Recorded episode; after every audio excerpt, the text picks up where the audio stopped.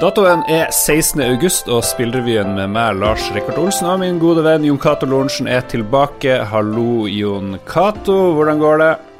Hallo i luken. Alt vel her fra Oslo? Alt er ikke vel i Norges e-sportforbund, for de har avlyst sin kvalifisering til VM i CSGO. Kvalifiseringa høsta kritikk og boikott fra en rekke klubber siden den skulle foregå på Oslofjord Convention Center, et senter som eies av Smiths venner. Og folk har litt problemer med deres eh, trosbakgrunn, f.eks. at de er mot homofile ekteskap, homofili generelt. og Arrangøren sier at uh, forbundet gjorde et veloverveid valg da de valgte arrangementsplass, og at de brukte mye tid på å diskutere verdier med Oslofjord Convention Center. Hvorfor ble det da storm, uh, en liten storm her i norsk spillbransje? Det skyldes vel flere ting, eh, fordi det er jo et, et, konferansesenter som mange har brukt. Altså, det har jo vært VM i hoppetau, NM i bordtennis NM i poker, eh, konserter, NM i cheerleading osv. som har gått relativt uh, mm. smertefritt der. Og så er det klart at folk uh, For noen så er det kanskje ikke forenlig med verdiene at det eies av kristne. Uh, eller en, en, kristen Jeg vet ikke hva du kaller det. En Trossamfunn? Et trossamfunn, ja.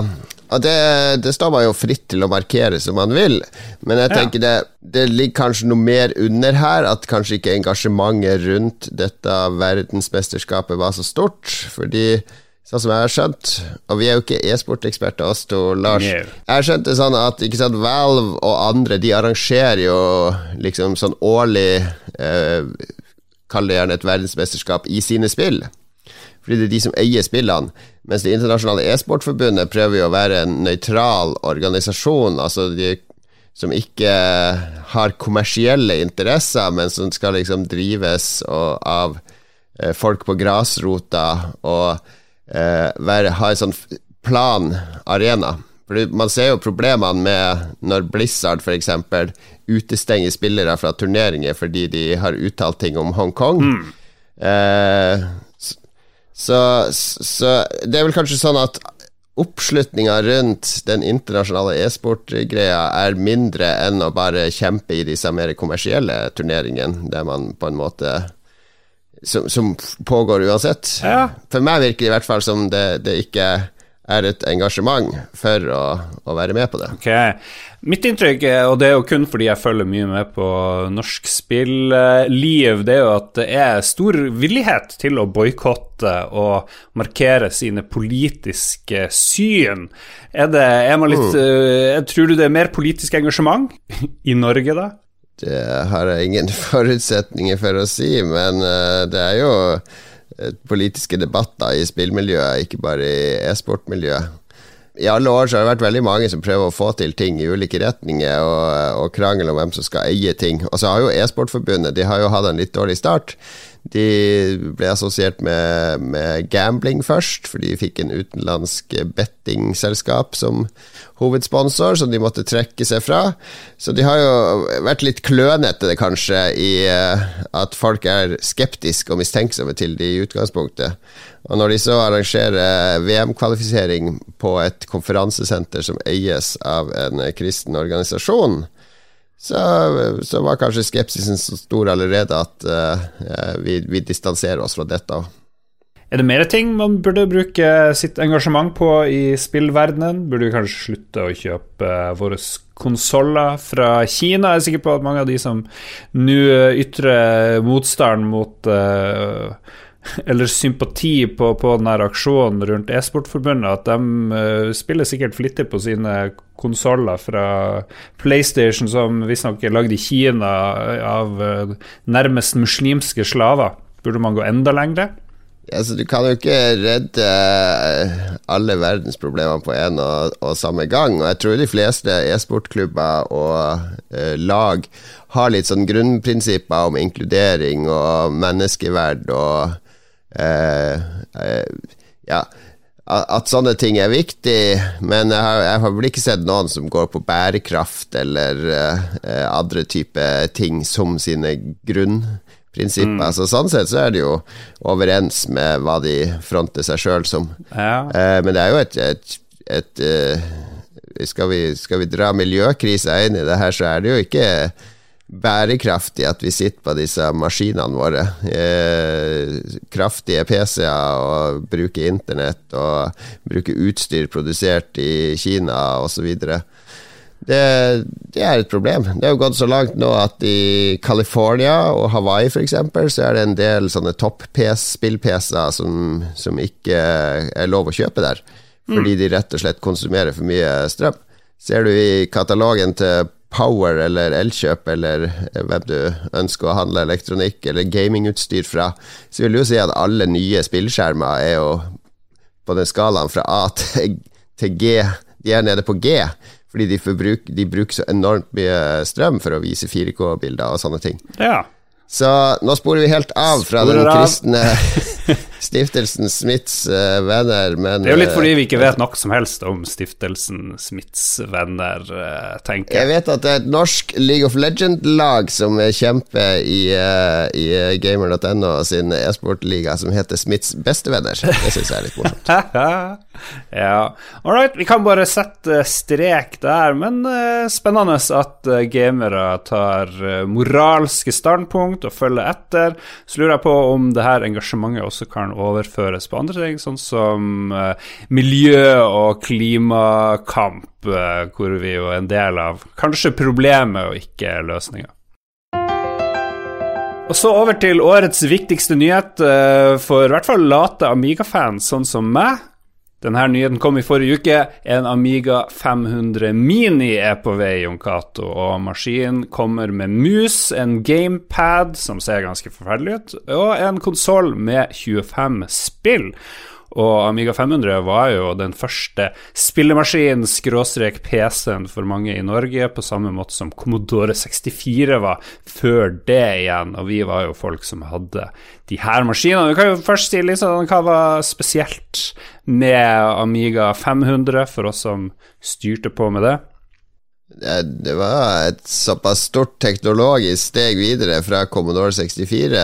Eh, når det gjaldt eh, ren kraft, og ikke sant, du gikk fra 16 farger til 4096 farger, og, og, en hardware som var eh, bygd opp på en annen måte enn at du bare skulle eh, kode en sånn der eh, enkel relativt enkle prosessorer i Commodore 64, så hadde du nå mye mer kompleks arkitektur. Ja.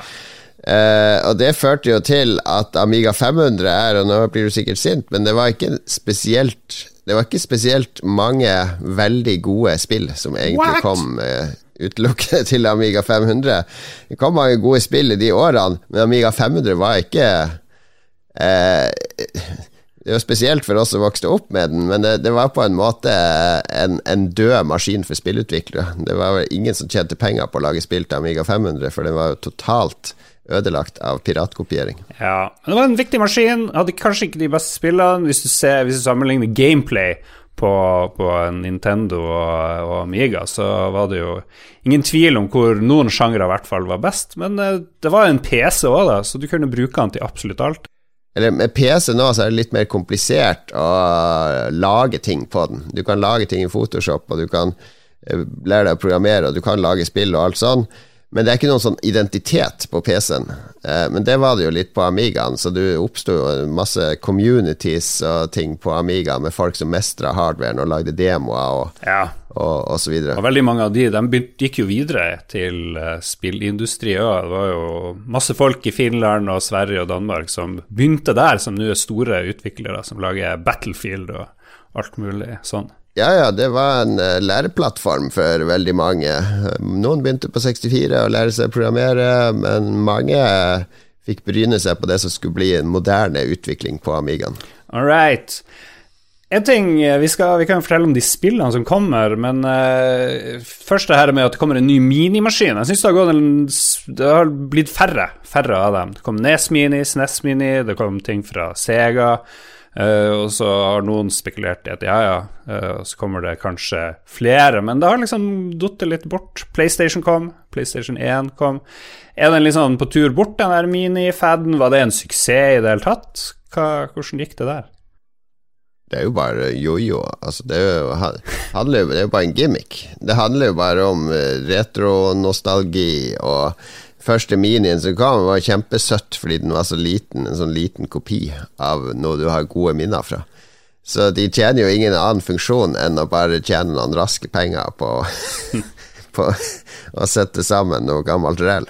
Ja. Eller emulere noe gammelt. Ja, jeg kjøpte nå alle de her uh, greiene, og har spilt forferdelig lite. Uh, det som er artig, det er at du kan modde dem ofte, og du kan putte inn mer enn det som kom originalt, så det er jo en sånn fin ting å ha. Men uh, ja, vet, veldig interessert i hvor mye folk bruker det. Men det kommer nå en A500 Mini i starten av neste åreplan. Og den skal kunne spille ting fra Amiga 500, 600, 1200 og sikkert uh, egentlig da alle Amiga-maskiner. Det kommer Kickoff 2 kommer, en stor hit. Ja. Pinball Dreams kommer. Speedball 2, som jo er et genuint uh, bra spill. Så kommer det mye litt sånn weird shit uh, som kanskje ikke holdt seg sånn veldig bra. Alien Breed 3D, kanskje det dårligste Alien Breed-spillet, kommer. Ikke Alien Breed 1 eller 2. Så kommer det Zool. Amigaens forsøk på å være kul.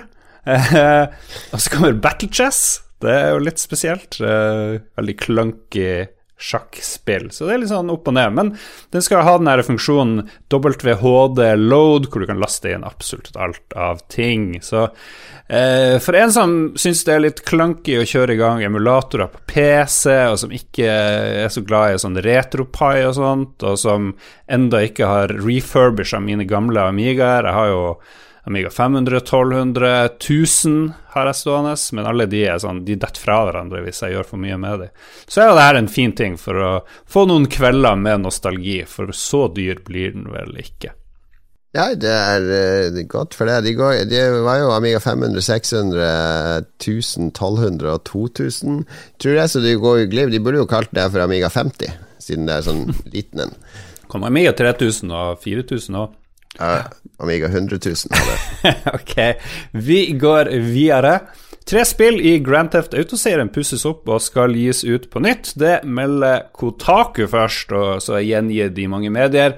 Ryktene om et sånt trekløver har gått lenge, men nettsida sier at de har tre uavhengige kilder som alle sier det samme, og at utviklinga snart er ferdig.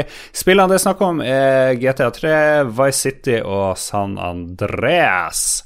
Og får du kjempelyst til å spille gamle GTA-spill, Jon Cato? Uh, nei, også her er det jo litt sånn retro-nostalgi, uh, men både Vice City og San Andreas har jo en del interessante uh, ting som skjer i de spillene, og spesielt San Andreas gjorde jo veldig mye med måten man forteller en historie på. Uh, og skapte, var veldig engasjerende for meg. da De er litt vanskelig å spille i dag. Det er nok hovedgrunnen til at det kommer en remaster, for de har veldig clunky kontroll. Ja. Uh, veldig utdatert kontroll. Hvis du fyrer opp GTA3 på en PlayStation 2 i dag, så det er vanskelig å spille, rett og slett. Det er, det er ikke sånn man styrer 3D-spill i dag. Så jeg håper jo, jeg regner med at det, det får en overhaling. Og så jeg syns det er interessant at alle disse tre spillene kom på PlayStation 2. Mm. Uh, og nå er det liksom Sist vi hadde et nytt GTA, det var på PlayStation 3. Det var GTA 5. Nå er vi på PlayStation 5, og det er fortsatt ikke noe get, nytt GTA i sikte. Så nå, nå går det altså to konsollgenerasjoner, kanskje tre, mellom hvert GTA-spill, mens de gamle har klart å lage tre på en og samme konsollgenerasjon. Absolutt. Historien om GTA3, hvordan de raska sammen Vice City ganske fort for å cashe inn, og så ble jo det et utrolig sjarmerende spill. Historien bak alt det der er jo veldig morsomt.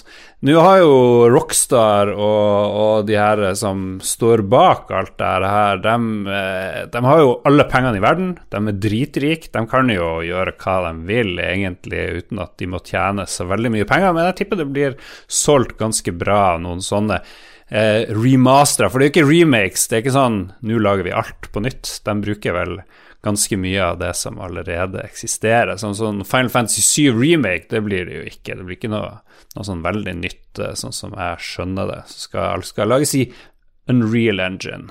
En voldsom jobb for det å ta ting fra PlayStation 2 og gi det ut på nytt i en ny motor, så det er nok jobb å bare få ting til å funke og overhale det litt. Så jeg skal ikke kimse av akkurat den jobben. Men uh, jo da, de, de, de, tjener jo masse penger på GTA5 fortsatt. Men jeg tror kanskje at Red Dead Redemption 2 ikke har vært så inntektsgivende som de hadde håpa, fordi den online-delen i Red Dead Redemption 2 uh, har ikke blitt like populær som GTA, by far. Nei. GTA tjener de mer penger på årlig enn Red Dead Redemption 2. Uh, så det er klart, hvis de hadde budsjettert inn inntekter der til nye prosjekter og sånn uh, Det er ingen som har uendelig med penger. Prosjekter koster veldig mye. Så uh, kan det jo være at de gjør dette for å få inn en, en kjapp ny revenue flow, for å, rett og slett for å finansiere ting. Vet du hvor mange kopier av GTA 5 de har solgt? Over 100 millioner? 150 millioner. Det, ja. det, snakker vi. Det snakker vi. Men det er jo selvfølgelig den online-butikken i GTA 5 de tjener penger på. Ja. ja, ja.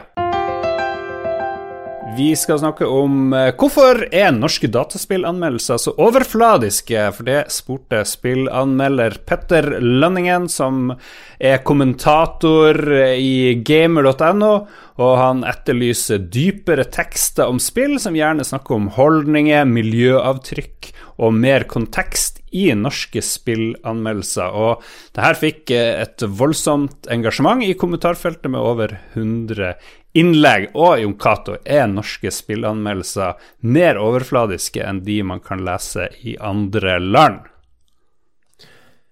Eh, jo, kanskje litt, men vi, det er fordi vi kan Det er så mange vi kan sammenligne med, og det er mye mer spesialiserte medier vi sammenligner med når vi går internasjonalt. Det har vi ikke i Norge. Vi har to uh, ja, Skal vi telle opp? Vi har Gamer og Pressfire, og så har vi Level Up, som primært er video og, og podkast. Og så har vi Game Reactor vi kan telle med, uh, mm. som egentlig er en internasjonal aktør. Uh, de er jo relativt Altså er det noe uli Har de noe ulikt budskap? Noe ulik plattform de kommer fra? Har de noe ulik redaksjonell eh, profil? Tja De har jo egentlig ikke det. Ja. De, de, skal alle dekke spill, spill for entusiaster. Ja. Uh, på en litt sånn entusiastisk måte, med å formidle inntrykk og forbrukeranmeldelser forbrukeranmeldelse av spill. Jo da, jeg tok en, et sveip på Pressfire like før vi starta, og gamer, og ja Det er jo mye Det her er spillet, det her er bra, det her er dårlig. Sånn er lyden, og sånn er grafikken. Med selvfølgelig noen hederlige unntak. Men det er jo en forbrukerveiledning ofte. Ja, det er jo det, og det er helt fair, men eh, jeg vet ikke, når du skal velge deg kjøleskap, så ser du vel etter en forbrukerveiledning som sier kanskje noe om strømforbruk, eh, kvalitet, eh, volum Altså funksjoner. Du ser ikke etter uh, hvordan opplevelsen er. Og, uh, det, det, blir, det er en sånn rar grenseland, for brukeranmeldelse versus spillkritikk. For jeg mener jo at spillanmeldelsene er helt greie sånn som de er. De, de tjener til å opplyse om spillets innhold og komme med en vurdering av om spillet er bra eller ikke, og noen prøver seg av og til på legge litt mer kontekst i det, som er bra. Mm. Men det jeg savner, er jo den gode spillkritikken. Altså de gode tankene om spillene. Hva gjør spillet med meg? Hvorfor, ja. hvorfor er dette et viktig spill? Eh, og det syns jeg det er for lite av. Ja, Når vi snakker om spill i vår andre podkast, Lolbua, så gjør jeg jo ofte det samme som uh, gamer og Pressfire og sånt. Ja, men det er det som er lett. Og Noen ganger så, så treffer spillet på en måte så, hvor du får tankene til å gå litt. Du trekker paralleller til egne liv og egne opplevelser, og kanskje andre kulturuttrykk og sånne ting, og da går man litt ja. videre, og da blir det mye mer interessant å snakke om, syns jeg. Det er mye mer interessant å lese om. Så når det er bare rett fram spillanmeldelse, så er det helt greit, men jeg bruker ikke lang tid på det, og så ser jeg på scoren hvis det er det, og så bare ja, ja, da vet jeg om jeg er litt mer eller mindre interessert i produktet. Det er jo sånn det er, og det, det er jo ikke noe Det er jo ikke sånn at uh, hvis du ser i det kommentarfeltet til, til dette innlegget fra han uh, Lønningen, så blir det jo veldig dramatisk og politisk eh, veldig fort. Men det er jo ikke sånn at eh, man sier, eller vi sier, at alle spillanmeldelser bør være kulturkritikk. Det er, men det er rom for begge deler, og per nå så er det mer entusiastisk forbrukerstoff enn det er kulturkritikk i eh, norsk spillpresse. Mm. Og det er jo hvis, hvis, redaktørene og de som styrer er interessert, og du sitter jo også i en redaktørstilling i et medie, du vet jo at ting styres av kommersielle interesser i baken. Ja, det er nok ikke kommersielt salgbart med veldig dype, gode tekster om spill. Det får nok ikke like mye klikk, eh, eller like kjapt å produsere per uh, ja. Hvis du tenker på hvor, hvor, kjapt man kan lage annen type stoff.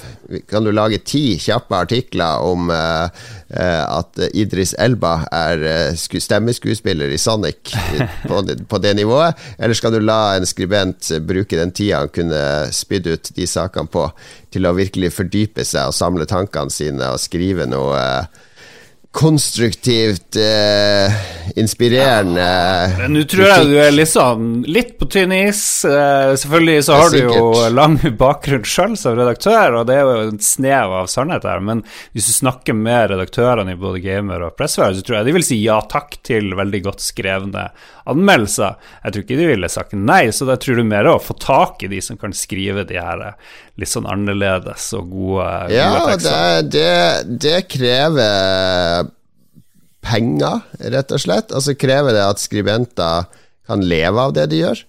Altså han Lønningen som har skrevet den kommentaren, han er også musikkanmelder og filmanmelder, spillanmelder.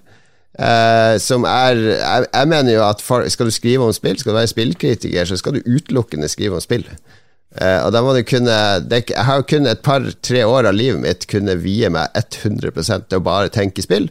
Det var når Aftenposten betalte relativt bra, og jeg hadde et par godt betalte sidegigs. Og da via hele livet mitt, hele min hverdag, var å tenke på spill. Og det ble også det ble skrevet, 90% av det jeg skrev, er sikkert bruk og kast i den tida òg, men det ble også en del gode refleksjoner mm. rundt det, og en del korte presise kulturanmeldelser av dataspill.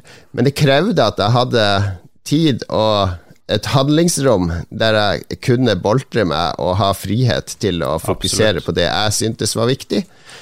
Og de handlingsrommene er ikke der. Hvis du får en tusenlapp for å skrive en tekst om et spill, som du burde egentlig bruke en uke på, eh, og fordype og samle tankene, det, det, er ikke til å leve av det.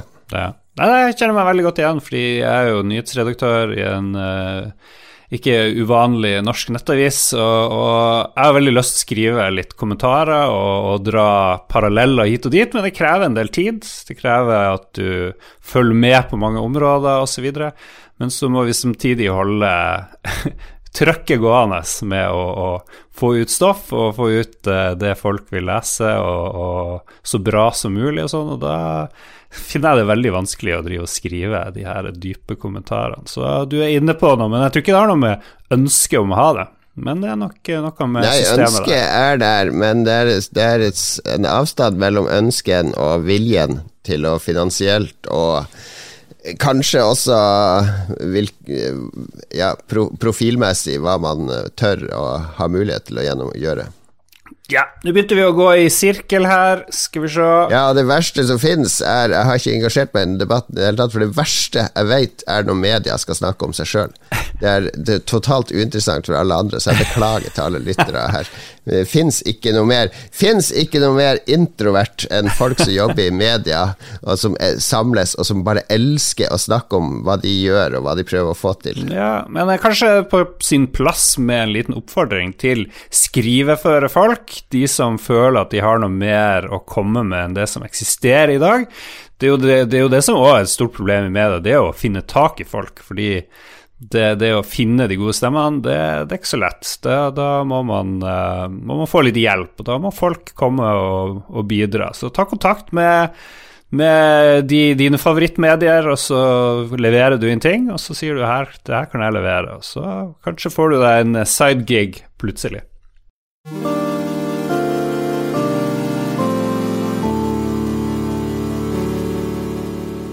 Vi er kommet til eh, nesten veis ende, og det betyr at vi skal snakke om nye spill. Hva er det som har dukket opp, og hva er det som er på vei, Jon Cato? Eh, ja, vi, vi, skal prate, og det kommer utover uka fram til neste sending. Men vi må jo nesten ta med at det ble en sånn surprise-drop av uh, Tom Happ sitt, sitt, nye spill uh, Axiom Verge 2. Uh, oppfølgeren til et veldig sånn kritikerrost Metroidvania-type spill. Mm. Og Metroidvania, da mener vi sånn action-plattformspill der du, ut, du får nye ferdigheter hele tida, så lar deg utforske mer og mer av et eh, kart som blir større og større. Mm, ja, og den første Axiom Verge var utvikla av én person. Det er vel også tilfellet med Axiom Verge 2. Thomas Happ, svært talentfull eh, fyr. Svært talentfull og svært dramatisk eh, personlig historie òg, med familien. Og de har vært gjennom en god del kriser, som uh, får veldig mye sympati med Thomas Happ, som klarer å, å fokusere og lage disse spillene, som er hans måte å komme seg gjennom dette på, og ikke minst tjene penger til å holde familien i live. Ja, det dukker bare opp uh, nå i dag. Nå er det spillet ute, det er jo, vi liker jo sånne ting. Dessverre så var de første reaksjonene Det var mye bugs. Folk bare kom seg ikke videre i spillet. Folk syntes det er veldig vanskelig og litt sånn. Så jeg har faktisk ikke kjøpt det. Det er jo helt sykt, fordi det var jo favorittspillet mitt det året Axim Verge 1 kom. Så, men jeg planlegger jo å ta tak i det, for han driver og oppdaterer og ordner bugs i rask hastighet, visstnok, han Thomas. Ja, jeg har spilt det, kan du høre mer om i Lolbua denne uka. 17. Eh, så kommer et spill fra noen som heter Amplitude, eh, som lager et spill som heter Humankind. Uh, har fått litt uh, hype fordi det er veldig sånn Civilization-kopi, da. Mm. Uh, låner tungt fra Civilization og gis ut av Sega, rett og slett. Ser interessant ut. Uh, 19.8 kommer det en sånn indie-darling. Det er Annapurna Interactive, som er kjent for både gode filmer og spill. Uh, de kommer med spillet 12 Minutes, som ble vist frem på det som var ja. E3 uh, erstatninga i fjor. Uh, som er et slags sånn mord uh, Virker som et slags mordmysterium, en slags interaktiv novelle der kameraet er plassert over sånn, en leilighet, så du ser ned på leiligheta. Kjente skuespillere som Willem Defoe er med, og ser veldig stilistisk og spennende ut. Så det skal vi definitivt sjekke ut. Willem Defoe tror jeg er den billigste skuespilleren i Hollywood til å få med på absolutt alt, men det trenger ikke være en negativ ting. Han er jo flink. ja, han er flink, han. Og så til slutt, 20. august, da er det selveste uh, Ghosts of uh, Tsushima. Et av de aller uh, En, en sånn virkelig flott svanesang for PlayStation PlayStation 4 når det kom ut uh, helt på slutten av konsollen sin, sin livssyklus. Eh, fantastisk flott spill, som nå kommer i en Directors Cut-versjon oppgradert til PlayStation 5 med nytt innhold, og det er en online-modus og osv. Før vi sier farvel, så må vi takke Pressfire, som vi samarbeider med. Veldig mange av nyhetene vi tar med, dem kommer derfra. Hør også på Lolbua, som kommer på onsdager. Sjekk ut uh, Ragequit, som vi også er affiliert med. Sjekk ut uh, Rad Crew. Støtt norske spillmedier. Hør på norske spillpodkaster. Før vi sier ha det, hva er det folk skal tenke på og glede seg eller gjøre med livene sine den neste uka, Jon Cato? Det er på tide å ta årets siste bad. Uh, Lars Årets siste bad? Livestreames av Lars når han skal ta årets siste og første og siste bad på uh, Lolbua sin Twitch-kanal. Oi, oi, oi. Ja ja. Vi får se. Vi får se. Ha det bra, alle sammen. Hei da.